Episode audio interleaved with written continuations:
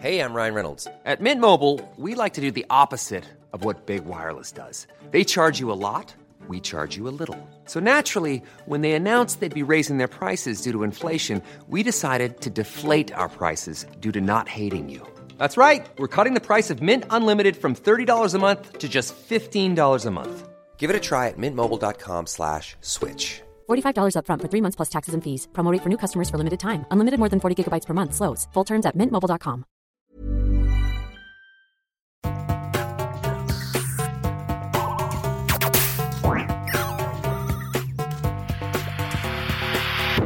Jeg heter Sondre Risholm Livrød. Jeg er psykolog, og dette er Webpsykologens podkast.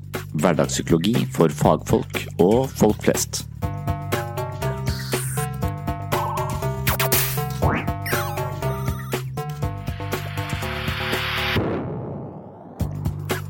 Hei og velkommen til episode 35. I dag skal jeg annet snakke om Melanie Klein. Hun var en østerriksk-britisk psykoanalytiker, elev av Sigmund Freud og pioner innen utviklingspsykologi og objektrelasjonsteori. Hennes ideer er spennende, men ikke alltid like lett å begripe. Hennes skriftlige arbeider er både dramatiske og voldsomt psykoanalytiske. Hun påstår at et lite barn ikke kan ha to tanker i hodet samtidig, noe som for øvrig også gjelder en del voksne mennesker. Hva mener Melanie Klein når hun sier at et barn ikke kan ha to tanker i hodet samtidig? I denne episoden skal vi belyse en teori som viser hvordan barn deler verden opp i godt og ondt. Ofte vil barnet veksle mellom å se foreldrene som utelukkende gode, mens i andre situasjoner ser barnet foreldrene som onde. Det gode og det onde blandes ikke sammen i barnets fantasiverden, og det skaper en del utfordrende mellommenneskelige dynamikker. Det er også disse aspektene som ligger ved kjernen av mange av våre største utfordringer i barneoppdragelse. Dersom vi ønsker å håndtere barnets følelser og reaksjoner på best mulig måte, kan det være lurt å vite litt om hva Melanie Klein mener om dette. Kanskje hun kan bidra med en del innsikt som får oss til å tenke litt annerledes på det sinte barnet som urettmessig anklager foreldrene for alt mulig. Jeg skal også snakke om Winnicott og hans ideer om hva som kjennetegner et godt nok omsorgsmiljø for barnet, og ikke minst hvordan et mindre optimalt miljø påvirker barnets psykologiske utvikling. Før vi tar turen til UiA og Grimstad, minner jeg om at du kan støtte Webpsykologen ved å gi denne podkasten dine anbefalinger på iTunes. Eller du kan støtte prosjektet ved å kjøpe våre bøker via webpsykologen.no. Foreløpig har jeg skrevet to bøker om psykologi og selvutvikling. Den første heter Selvfølelsens psykologi, og den andre heter Jeg, meg selv og selvbildet. Begge bøkene er en slags innføring i ulike psykologiske skoler og ideer med fokus på hvordan forståelse for psykologi kan gjøre en forskjell i vår egen hverdag. Bøkene er skrevet for folk flest, og de reflekterer på mange måter den takt og tone som du finner i denne podkasten. Da tar vi turen til Universitetet i Agder for å høre om gode og onde pupper.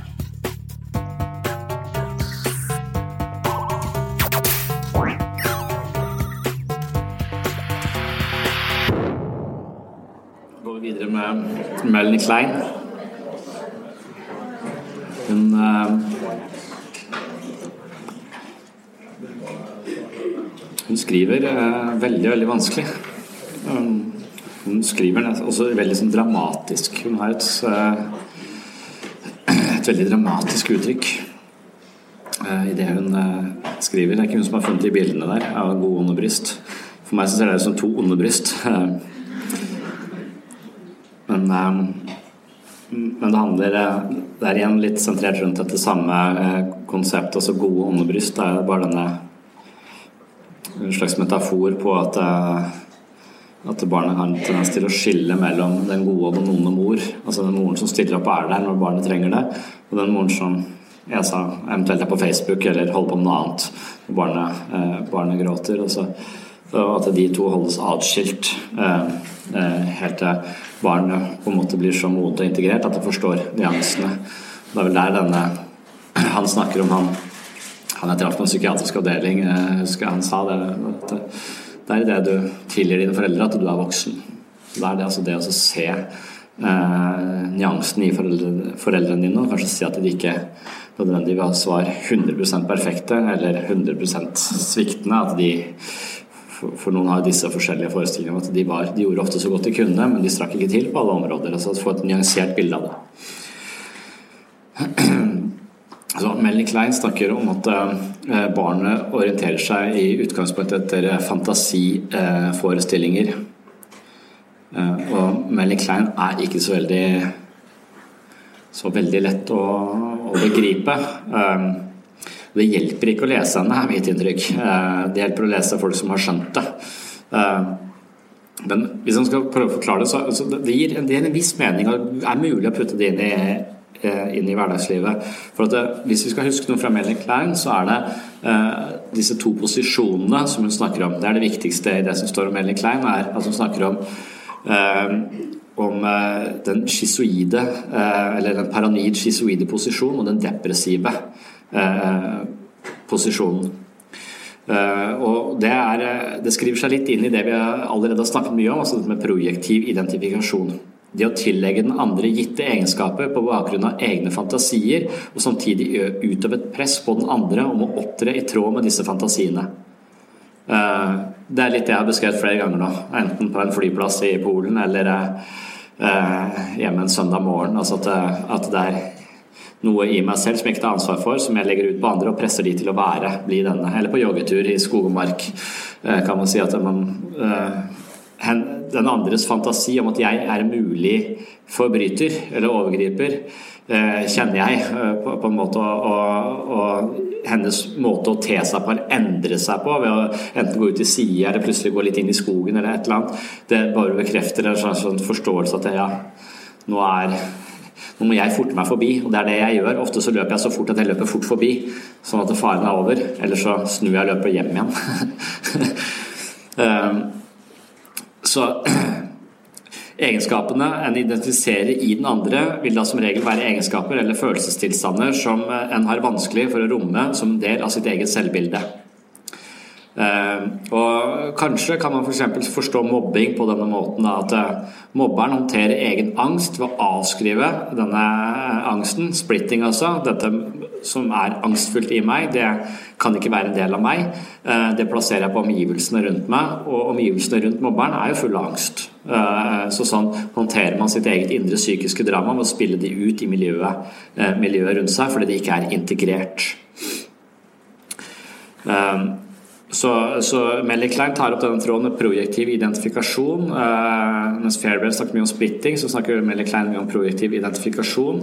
Uh, og så snakker hun også om Eh, det som jeg sa, denne paranoide, schizoide posisjon eh, og den depressive posisjonen. Og jeg er litt uklart om det er at barnet går fra den ene fasen, eller går fra, går fra den paranoide, schizoide posisjon og inn i den depressive, eller om dette er litt mer sånn at de fungerer i forskjellige moduser. Det, er, veit jeg egentlig ikke, jeg har ikke helt forstått. Men i hvert fall så er det to, det er to måter å fungere på dette her uh, som barn har. Og barn har da fantasiforestillinger uh, inni hodet sitt, og i Melanie Klein sin verden så er barnet uh, i utgangspunktet født med en slags fantasi om at verden er skremmende og, og farlig eh, og, og slem.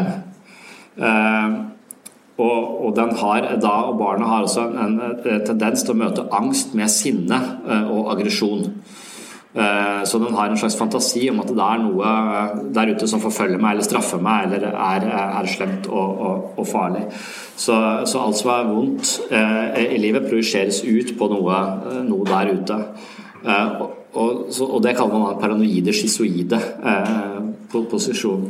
Og jeg har det litt jeg, jeg, kan godt forstå det. At, uh, for at nå, jeg, jeg, kan forstå dette mest med sønnen min på fire. Uh, for at han, han, føler jeg reagerer på angst med aggresjon. Han blir eh, ofte sint på meg på ting som åpenbart ikke er min feil, eh, og det er irriterende. Så kan, jeg kan ha sagt til han på mandag du, ikke klatre på stuebordet, for hvis du faller ned derfra, så slår du deg. Eh, på tirsdag så klatrer han på stuebordet mens jeg er på kjøkkenet, eh, og så slår han seg. Og så skriker han, og så skylder han på meg for at han har slått seg. Og det er det som er denne fantasien, at det er det som er vondt mot meg Jeg har det vondt, og det er din feil. Du er skyld i at jeg har det, har det, vondt. Og det vil være sånn barnet håndterer, eh, håndterer eh, tilværelsen i de tidligste leveår. Og det klinger litt, det kan jeg godt forstå. Jeg får ofte skylda for ting som åpenbart ikke er min, eh, er min skyld. Og da blir jeg gjerne kalt en bæsj. Da kommer analstadiet inn. Så, så det er en slags paranoid angst. Jeg slår meg, jeg har det vondt, og det må være du som har gjort det mot meg. Selv om det var han som klatra på stuebordet og falt ned. Det er hans skyld. Eh, men han vet ikke. Eh, han anklager meg for det, og det er denne paranoide schizoide posisjonen. Og da er det springende punkt i utviklingspsykologien her. Hvordan møter du det? Eh, møter du det med 'nei, idiot, det er din skyld'? Åpenbart. Det er min naturlige tilbøyelighet. Men hvis du tenker teoretisk på det, så er det for å hjelpe han ut av denne paranoide schizoide posisjonen, så handler det om å møte denne aggresjonen med Eh, romslighet og empati og forståelse og trøst. Så selv om det er urettferdig at man blir anklaget for et eller annet som ikke, åpenbart ikke er en egen skyld, mens man likevel kan, eh, kan, eh, vise seg som en trøstende og god person som kan romme han og roe han ned og klappe han, gi han en klem og trøste han, selv om han er aggressiv mot meg, på en måte, så vil det være kjærlighetens kamp mot aggressiviteten, er plottet hos Melanie Klein. Kan vi møte aggresjon i kjærlighet, så vil vi klare å hjelpe hjelpe det lille mennesket fra den paranoide, schizoide posisjon ved å ikke handle på det projektive, ved å ikke bli den straffende, slemmende, sinte personen når jeg har det vondt. For det er veldig lett å bli det, men det er ikke min feil. Men, og rett og slett bare bekrefte da at ja, verden er slem, den kjefter på meg når jeg har det vondt. Verden er ute etter meg å ta meg. Hvis jeg klarer å handle annerledes, hvis jeg klarer å møte den typen atferd med empati og omsorg, så vil han langsomt forstå at verden er ikke denne straffende øh, øh, verden som påfører meg smerte, men at han har rundt seg omsorgsfulle personer som vil han, eh, vil han vel. Og da beveger man seg, da vinner kjærlighet over aggressivitet, sånn Melanie Klein forstår det, og så beveger man seg over i den depressive eh, posisjonen. Det høres jo ikke noe bedre ut eh, å være i den depressive posisjonen, men depressiv refererer til å gi slipp på den kontrollen man har over andre ved f.eks. projeksjon. Da. Og Her kan barnet utvikle ansvar, sjenerøsitet, kreativitet, takknemlighet, omsorg og innlevelse i andre. Angsten er ikke lenger knyttet til overlevelse, men handler om frykten for å miste den man er glad i. Eh, så det skjer et skifte der. så Det hun kaller den depressive posisjonen, vil, eh, vil noen andre Skal vi se om vi kommer eh, til det vil, vil sånn som Wilfred Bion tror jeg snakke om som kapasitet for omsorg. Og Det er også den neste personen i, i pensumet der, det er Bion, uh, og, og, og, som snakker om containment.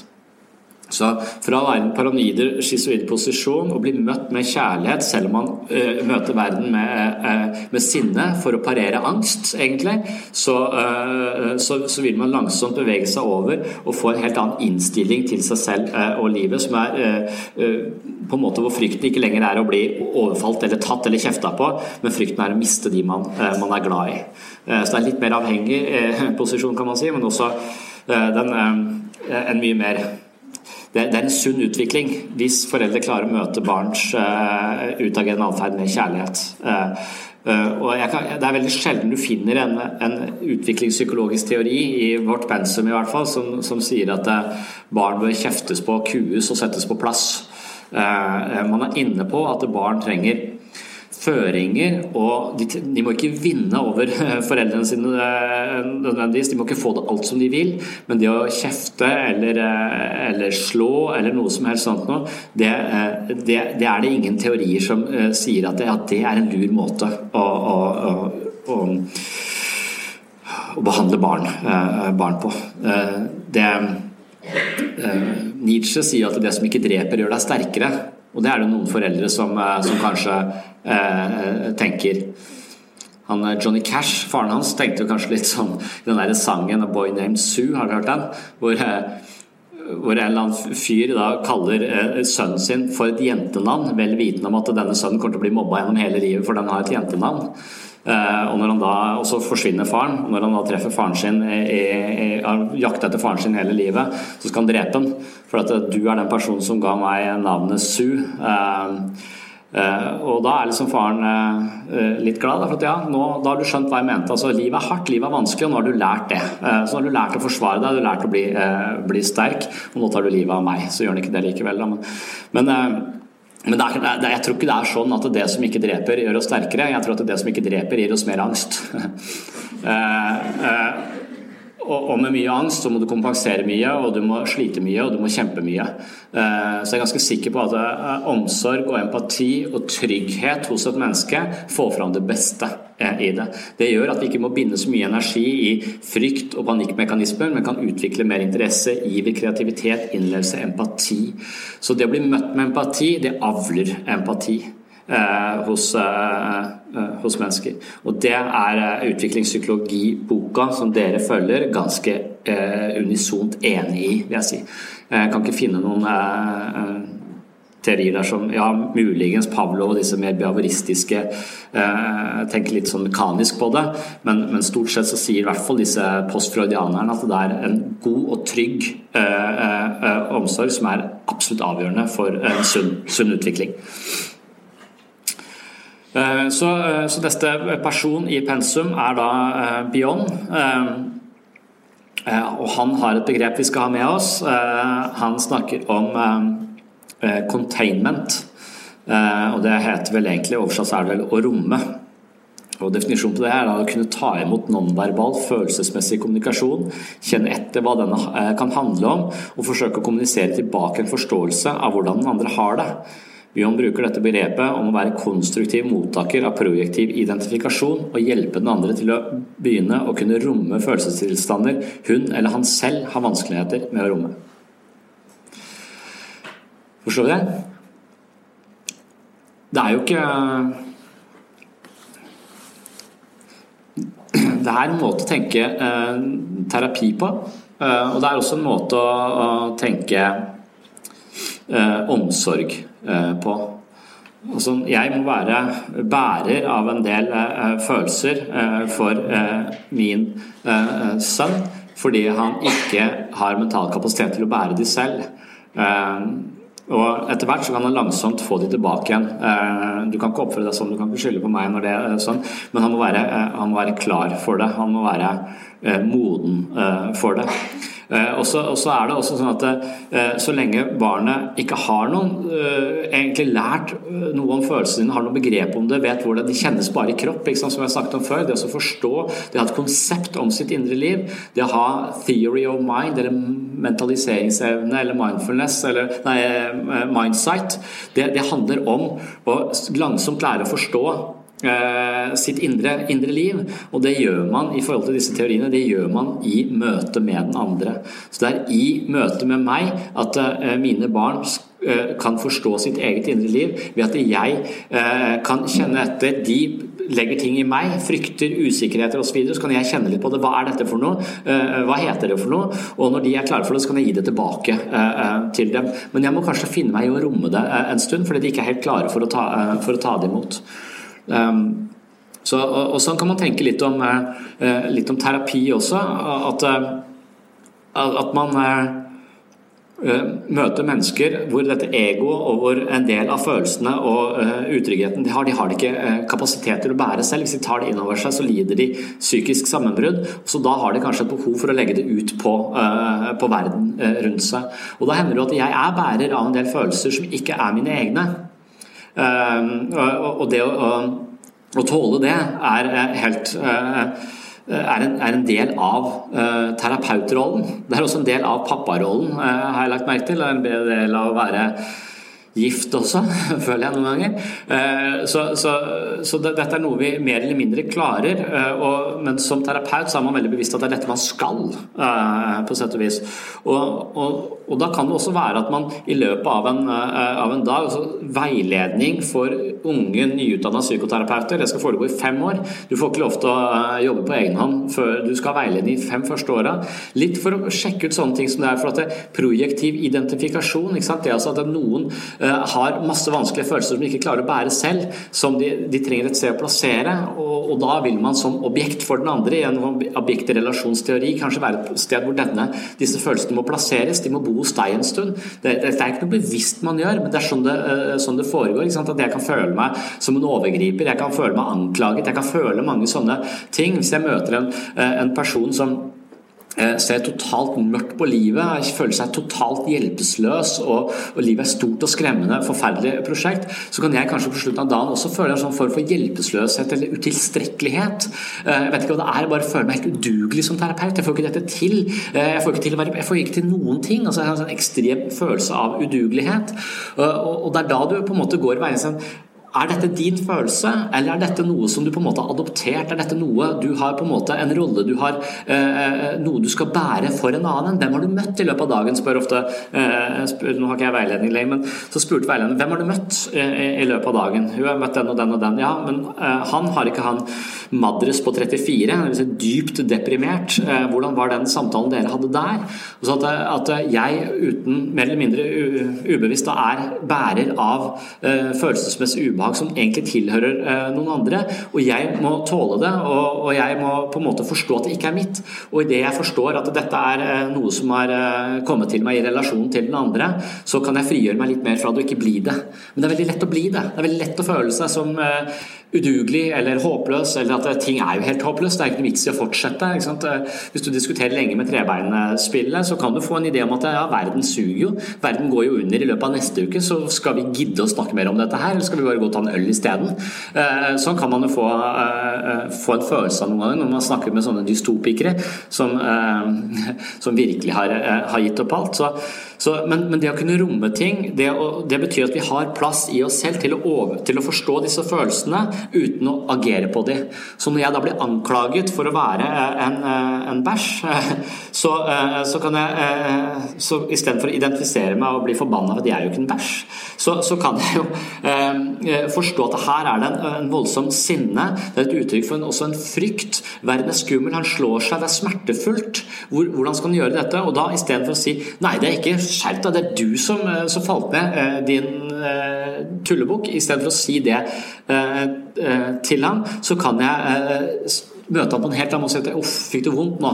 Ja, det er, det er, vanskelig. Jeg kan skjønne at det gjorde kjempevondt. Da ser jeg, skal du ha plaster? Eh, altså, kan vi blåse på det? Eh, det er ikke så Det er høyt. Dette, altså, jeg kan snakke med han som om jeg har forståelse for at han har det, eh, har det smertefullt, istedenfor å da agere på de anklagene jeg får mot meg selv. Da tåler jeg de følelsene han ikke makter å bære, som han skyver over på meg. Eh, og, og, men etter hvert, når han blir eldre, så må han ta ansvar for det selv. Hvis jeg har sagt at det å gå på det bordet der kan føre til knall og fall, så bør han ta konsekvensen av det på et eller annet tidspunkt selv. Og når han er klar for det, så skal, eh, så skal han ta det, eh, det selv. Eh, men, og det vet jeg, jeg har ikke noe tidspunkt for når det skal skje. Det tror jeg er noe vi tar på en viss intuisjon. Men vi skal være klar over det, både som terapeuter og som hjelpearbeidere eller i møte med andre mennesker, at av og til så gjør vi dette. Vi tar imot andres følelser og blir bærere for det. Og da er spørsmålet kan vi tåle det. Er vi rause nok? Kan vi klare det? Eh, og, da kommer jeg kanskje tilbake til det første jeg snakket om her i dag. Altså, den vennen min som er så innmari hjelpsom. Han er jo en, person som eh, eh, Og, jeg, når jeg tenker på det, det å hjelpe meg han, har jo hjulpet meg med alt mulig ting som jeg ikke trenger hjelp til. Han hjulpet meg Før i tida, for mange år siden, så var det å brenne CD-er var et eller annet man drev med da. Det, det gjør man ikke lenger. Men, men det hjalp han meg med, selv om jeg hadde holdt på med det årevis selv. Og Jeg vet ikke hvorfor jeg plutselig endte opp i den posisjonen at han skulle hjelpe, uh, hjelpe meg med det, men, men, på en måte så blir han litt, da, sånn, litt som foreldre, og jeg blir litt sånn som ikke klarer eh, dette. Men etter hvert, så, hvis jeg tenker mye på det, så kan jeg beholde voksenposisjonen min i den tanken at jeg ser, jeg tror at jeg er betydningsfull for han. Jeg tror at han vil at jeg skal like han. Jeg tror at han trenger at han er betydningsfull for meg, og han må føle at han må ha noe å gi meg for at jeg skal, uh, skal uh, like han. Og, og, da har jeg kanskje råd til det. Da har jeg kanskje råd til at han agerer på den måten og hjelper meg i situasjoner hvor jeg ikke trenger, hvor jeg ikke trenger hjelp. Mange av de andre relasjonene han har, blir forbanna på det og syns at det er virkelig sånn nedlatende eller de synes det er litt anmassende. Eller, det ødelegger litt for relasjonen hans. Men hvis jeg jeg klarer å, å, å, ikke reagere på den måten og bli trassig der, så kan det være at jeg kan eh, bidra med noe annet. Og etter hvert som jeg da eh, på en måte kan, kan, se at det kan ha en slags empatisk forhold til dette, og så på en måte romme at ok, du hjelper meg, det, det trenger du for å føle deg vel, så, så kan jeg så er det greit for meg. Jeg blir ikke liten, jeg blir ikke et barn av det. Jeg tåler det, fordi jeg kan se det. Eh, og når jeg beholder den posisjonen, så, så virker det som om jeg også gradvis kan bekrefte han på andre ting enn alt han hjelper meg med, og at han også kan eh, Behovet hans for å gjøre så masse for meg eh, erstattes med en trygghet på at jeg faktisk kan like han selv om han ikke overhjelper meg. Uh, på sett og vis. Så langsomt så kan jeg på en måte levere tilbake noe annet uh, enn det han, uh, han plasserer ut, ut, på meg. Det kalles det containment, altså romme å forstå de følelsene som er på spill, uten å agere på dem, men kanskje agere annerledes. Eh, og, innenfor det som vi nå snakker om objektrelasjonsteori, så kan man tenke litt sånn på terapeutrollen. at man, eh, man, En terapeut er ikke nødvendigvis noen som gjør så mye, men en terapeut blir et nytt objekt for, eh, for den andre, som på en måte skal internaliseres og representere noe annet enn de typiske objektene vedkommende har fra tidligere. Så vi skal kunne forstå det som foregår, og kanskje ikke reagere sånn som alle andre reagerer nødvendigvis, men, men bære det, romme det og langsomt gi det tilbake til, eh, til den andre. Ja.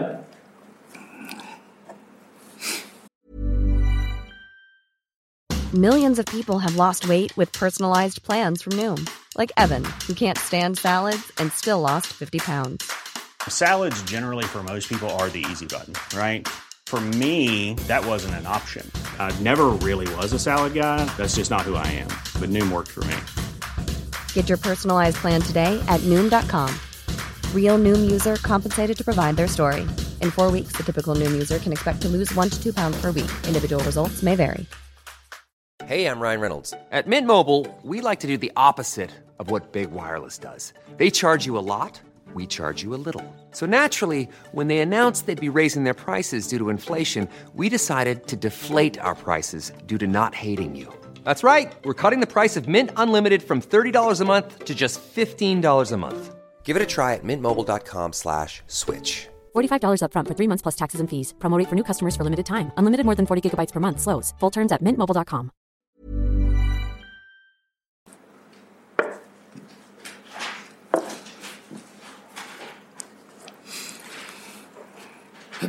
Da har vi Donald Winnicott, som er neste person ut. Eh, han er britisk psykoanalytiker. Eh, han er spesielt opptatt av tilknytningsforhold. Eh, igjen en objektrelasjonsteoretiker. Og, og Winnicott er da kanskje mest kjent for dette begrepet om overgangsobjekt, som jeg allerede har vært, vært inne på. Overgangsobjekter er ting barn knytter seg til. Bamser, suttekluter, Eh, og lignende, eh, og som de i en overgangsperiode ikke kan skilles ifra. Det fungerer som konkrete symboler for foreldrenes objektenes trygghet og varme, inntil barnet har mental kapasitet til å vite at foreldrenes eksisterer, eh, også når de er ute av syne. Og det er det det er det sønnen min på fire Jeg vet ikke interessant når skal Når han skal klare å ha opprettholde objektrelasjoner. Men idet du i det du eh, klarer å holde ideen om pappa i hodet ditt, selv om pappa ikke er der, så kan det fungere som en, som en trygghet i seg selv. Eh, mens i en overgangsperiode så, så, må all den tryggheten være knyttet til et fysisk objekt som symboliserer eh, eh pappa. Og da er det denne sutte, suttekluten eller bamsen eller eh, hva det nå måtte være som, eh, som fungerer som et overgangsobjekt. Eh, helt til man får det som da kalles objektpermanens eller objektkonstans. Og, og det, det, handler liksom, Noen vil si at det å være voksen også kan handle om å tåle å være alene. på en måte Kunne hvile i sitt eget, i sitt eget selskap. Ikke hele tiden måtte bli bekreftet av et annen tilstedeværelse av en annen person. Og Så tenker jeg litt på min egen ungdomstid, at jeg var sånn hyper sosial. At jeg hele tiden følte at jeg trengte noen til å bekrefte hvem jeg var. Altså, jeg var ikke helt eh, Jeg trengte noen til å, til å se meg og, og, og bekrefte meg. Eh, og, og, det å hvile i sitt eget selskap, være alene osv., det var eh, det var litt sånn skremmende. Og det, det å være borte fra kjæresten eller, eller noe sånt, og det var også mye mer problematisk, eh, kanskje. Og for, noen mennesker så er det å være alene helt umulig. altså De klarer ikke å beholde, selv om de nå ikke har noen mennesker rundt seg, så har de venner. De har en farmor der, eller en mor der, eller en kjæreste der. altså At de kan bruke de relasjonene de har, som ikke nødvendigvis er til stede, men likevel en, en måte å, å, å skape trygghet i seg selv her og nå. Eh, og det, det, er det som utvikles gjennom eh, de tidlige leveårene her. Og som man er veldig tydelig hos barn, som alltid ofte bruker en, sånn, et overgangsobjekt før de faktisk kan klare det som jeg snakker med, med sønnen min om. altså at du er jo hjertet mitt. når jeg er på jobben. Og når, hvis jeg tenker på noe litt vanskelig, eller sånn, så kan jeg tenke på deg, og så blir jeg glad i hjertet. Så jeg, hvis jeg blir glad i hjertet, så, så er det fordi du er her inne. Og, og, så kan jeg være inne i ditt, i ditt hjerte. Og så har, har dattera mi vært på sånn søndagsskole, så sier han at Jesus er også hjertet, sier hun. Så er det sikkert plass til både meg og Jesus i det hjertet, tenker jeg da. Så det er sikkert plass til masse folk i det hjertet, og det er hun enig i. Nå har jeg et litt sånn ambivalent forhold til Jesus, det har vi kanskje skjønt. Både for og imot Jesus. Mm. ja. Så et annet begrep som, som som Winnicott snakker om. Winnicott er opptatt av et godt nok omsorgsmiljø. Han snakker om holding. Holding refererer til empatisk modulert spedbarnsomsorg. Begrepet benyttes både som den konkrete kroppskontakten og tilretteleggelsen av omsorgsmiljøet, og som en rent psykologisk kvalitet som knytter seg til det at barnet opplever å ha en plass i omsorgspersonens sinn. Det er det er et, et, begrep som rommer mye, og, og, og, som de som har små barn Nå har jeg også en datter på fem måneder. ikke sant? Sånn, hun ligner på den babyen der sånn.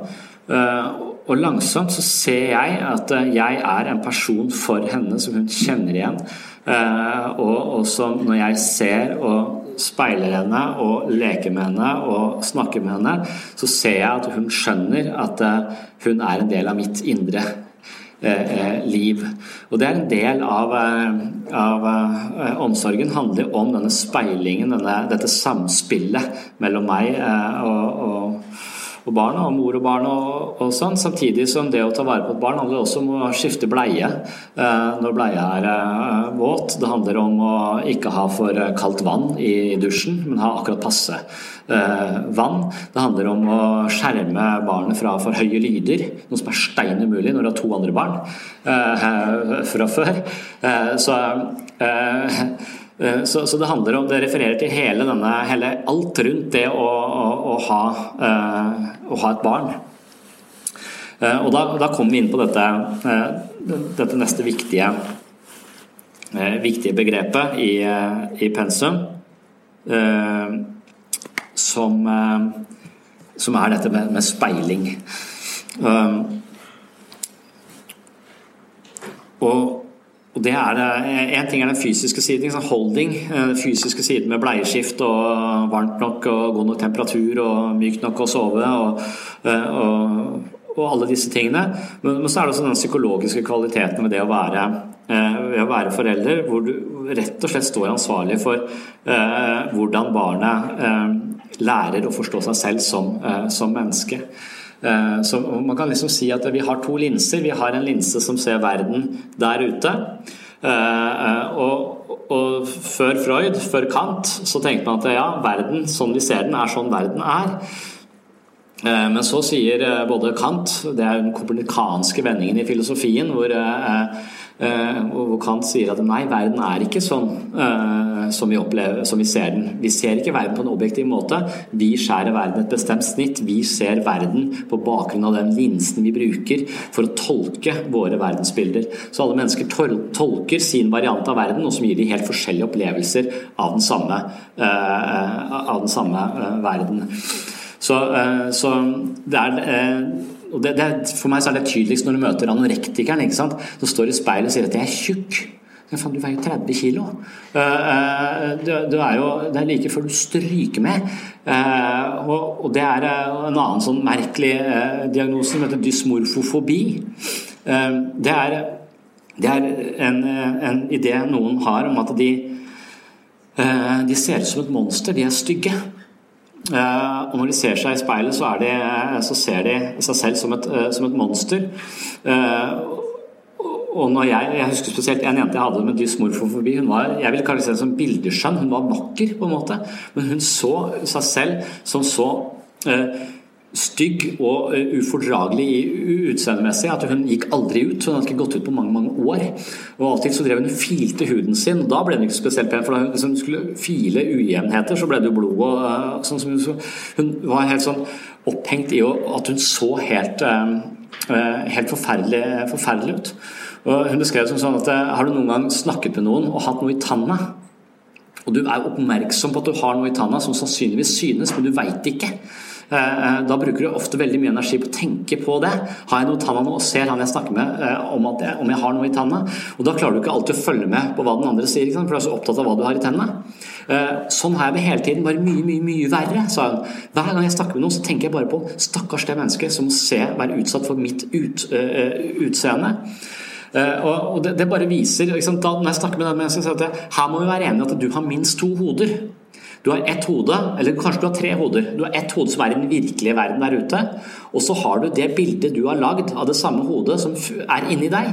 Du har jo produsert en slags den, Det bildet av ditt hode, det speilbildet du ser i speilet, det er jo din fortolkning av deg selv. Det har jo gått gjennom masse filter før du har fått en, en vurdering av hvordan det ser ut. Så du har, du har ditt e, hode i den virkelige verden, og så har du en mental modell av det samme hodet inni hodet ditt. Og det er, den, øh, det, er det du opplever som det virkelige. Men det er to forskjellige ting. Det virkelige hodet ditt og din mentale modell av hodet ditt, som du faktisk opplever, det er to forskjellige ting.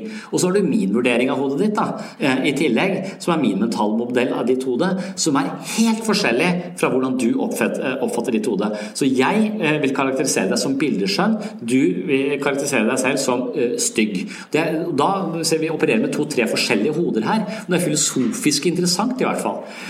Og dette er det er litt så lang omvei, men dette er eh, den komplikanske vendingen i filosofien. Dette er det eh, Freud snakket om, at vi er nødt til å være interessert i den linsa som ser innover. For vi kan ikke bare tro at vår opplevelse av vårt eget utseende, eller vår opplevelse av andre mennesker, eller vår opplevelse av Eh, av verden for øvrig er en objektiv eh, opplevelse av den, den, verden der ute. Vi skrur sammen våre opplevelser på en helt spesiell måte, og vi må se innover. Vi må se, vi må se på den linsa som forstår, eh, som kan overvåke denne prosessen hvor vi skaper våre egne, egne verdensbilder. Så, så, da, Den kommunikanske vendingen er at vi begynner å se innover. Vi blir introspektive. og Det er det også Freud snakker om. Han snakker om introspeksjon, gjøre disse ubevisste prosessene som ligger bak alle våre vurderinger av livet, til gjenstand for analyse, sånn at vi kan se hvordan vi kom til akkurat den opplevelsen av, av oss selv.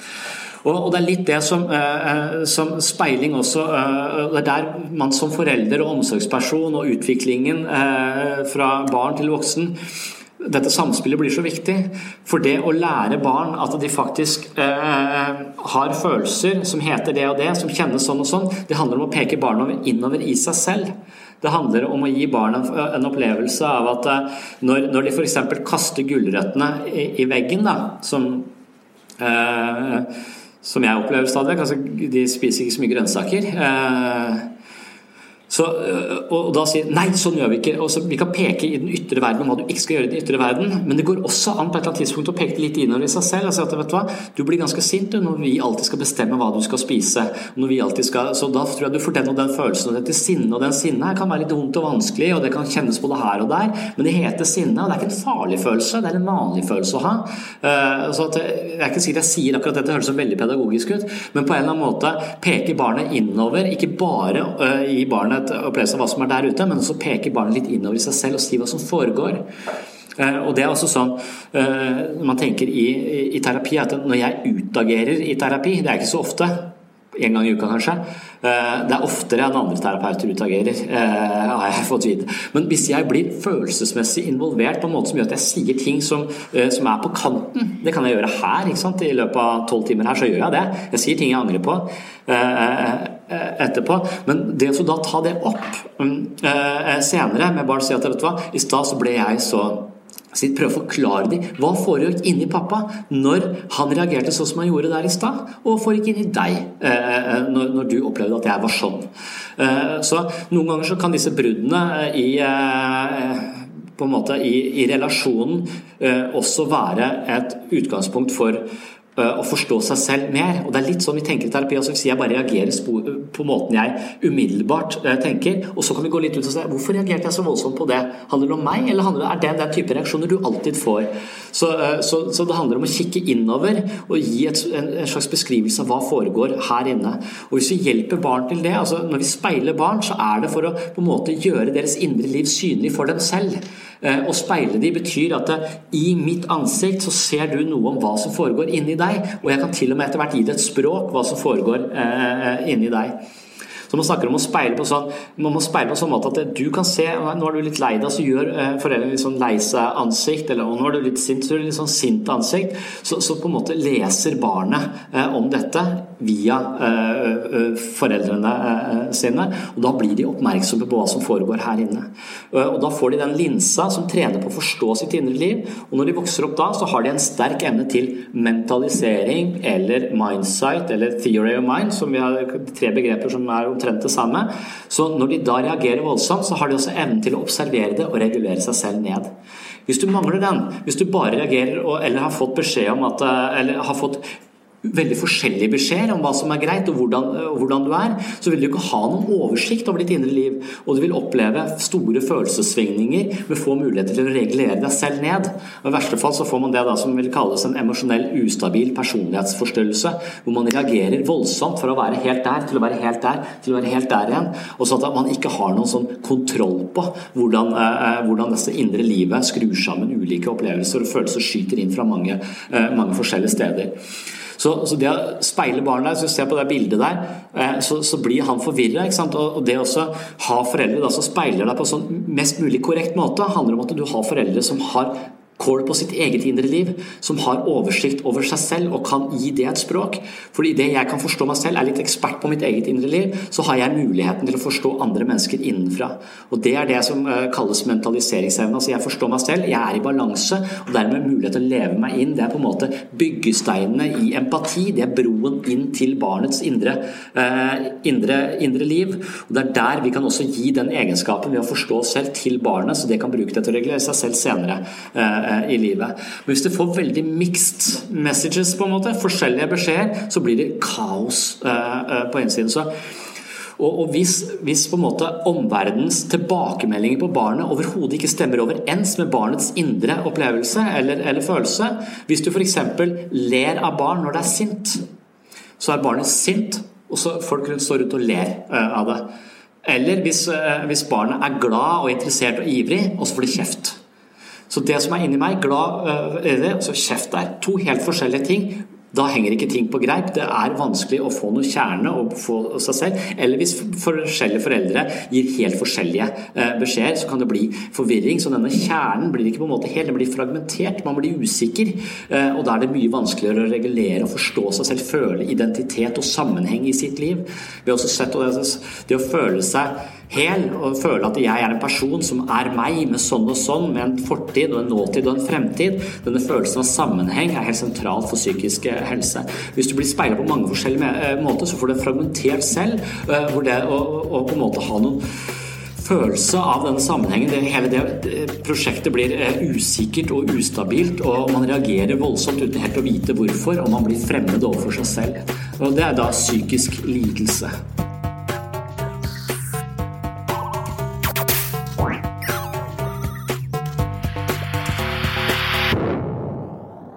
Takk for at du hørte på Webpsykologens eh, podkast. Dersom du liker denne podkasten, hadde jeg blitt veldig glad om du tok deg tid til å anbefale den på iTunes. Målet for Webpsykologen er å spre kunnskap om psykisk helse til så mange som mulig, og gode tilbakemeldinger på iTunes er veldig verdifullt. Håper vi høres igjen i neste episode.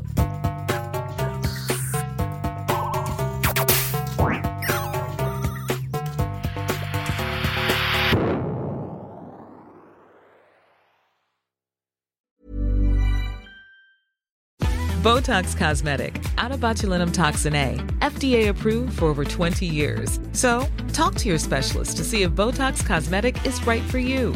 For full prescribing information, including boxed warning, visit BotoxCosmetic.com or call 877-351-0300. Remember to ask for Botox Cosmetic by name. To see for yourself and learn more, visit BotoxCosmetic.com. That's BotoxCosmetic.com.